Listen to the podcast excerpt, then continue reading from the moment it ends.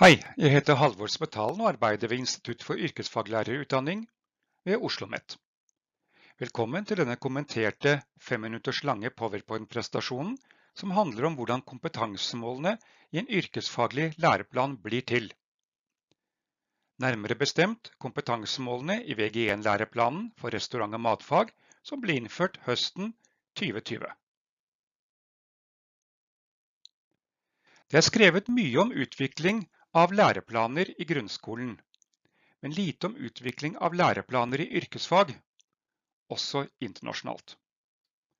Jeg ønsket derfor å få et innblikk i hvordan kompetansemålene i en yrkesfaglig læreplan blir til, og da var fagfornyelsen til stor hjelp. I dette prosjektet fulgte jeg læreplangruppen som utarbeidet læreplanen i VG1 restaurant- og matfag. I løpet av perioden fra høsten 2018 til våren 2019 gjennomførte jeg flere runder med intervjuer med medlemmene av læreplangruppen i ulike faser av prosessen. Før jeg kommer inn på funnene fra prosjektet, er det greit å definere begrepet læreplan. En læreplan er et styrings- og grunnlagsdokument rettet mot det som skjer i skolen, og som et uttrykk for en plan, intensjon og foreskrivning for hva elevene skal lære på skolen i et nærmere bestemt fag. Til forskjell fra læreplaner i grunnskolen tar ikke yrkesfaglige læreplaner utgangspunkt i et fag som f.eks. norsk, historie eller matematikk, men yrkesutøvelsen i et yrke. Innholdet i yrkesfaget hentes derfor eklektisk ut fra behovene i yrkesutøvelsen.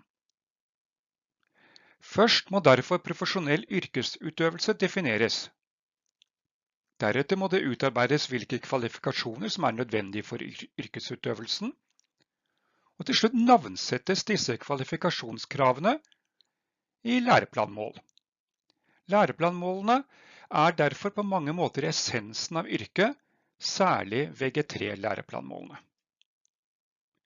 Utfordringen for arbeidet med VG1-læreplanen er imidlertid at mange yrker er samlet i det samme utdanningsprogrammet, og læreplanen skal legge et grunnlag for alle yrkene.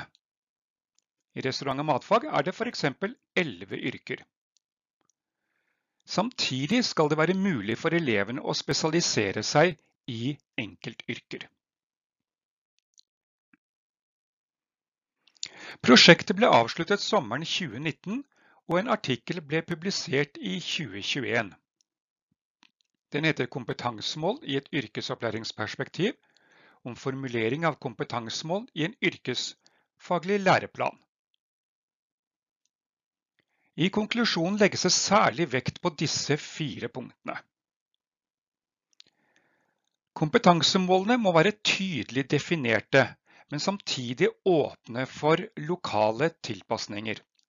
Dette handler om forskjeller i næringsliv, skoleverksteder og særlige forutsetninger rundt den enkelte skole. Kompetansemålene må også være fagnøytrale, slik at enkeltyrker ikke favoriseres. Det skal være mulig for elevene å arbeide med samme kompetansemål uansett hvilke yrke de ønsker å spesialisere seg i. Bruk bare ett læringsmoment i hvert kompetansemål.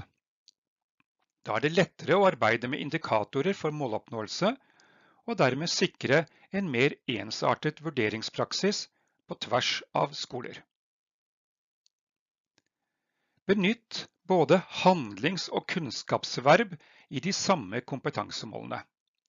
Legg kunnskapsverbet til slutt, slik at elevene trenes i å begrunne yrkesrelevante handlinger mer enn at teori skal utlede handling.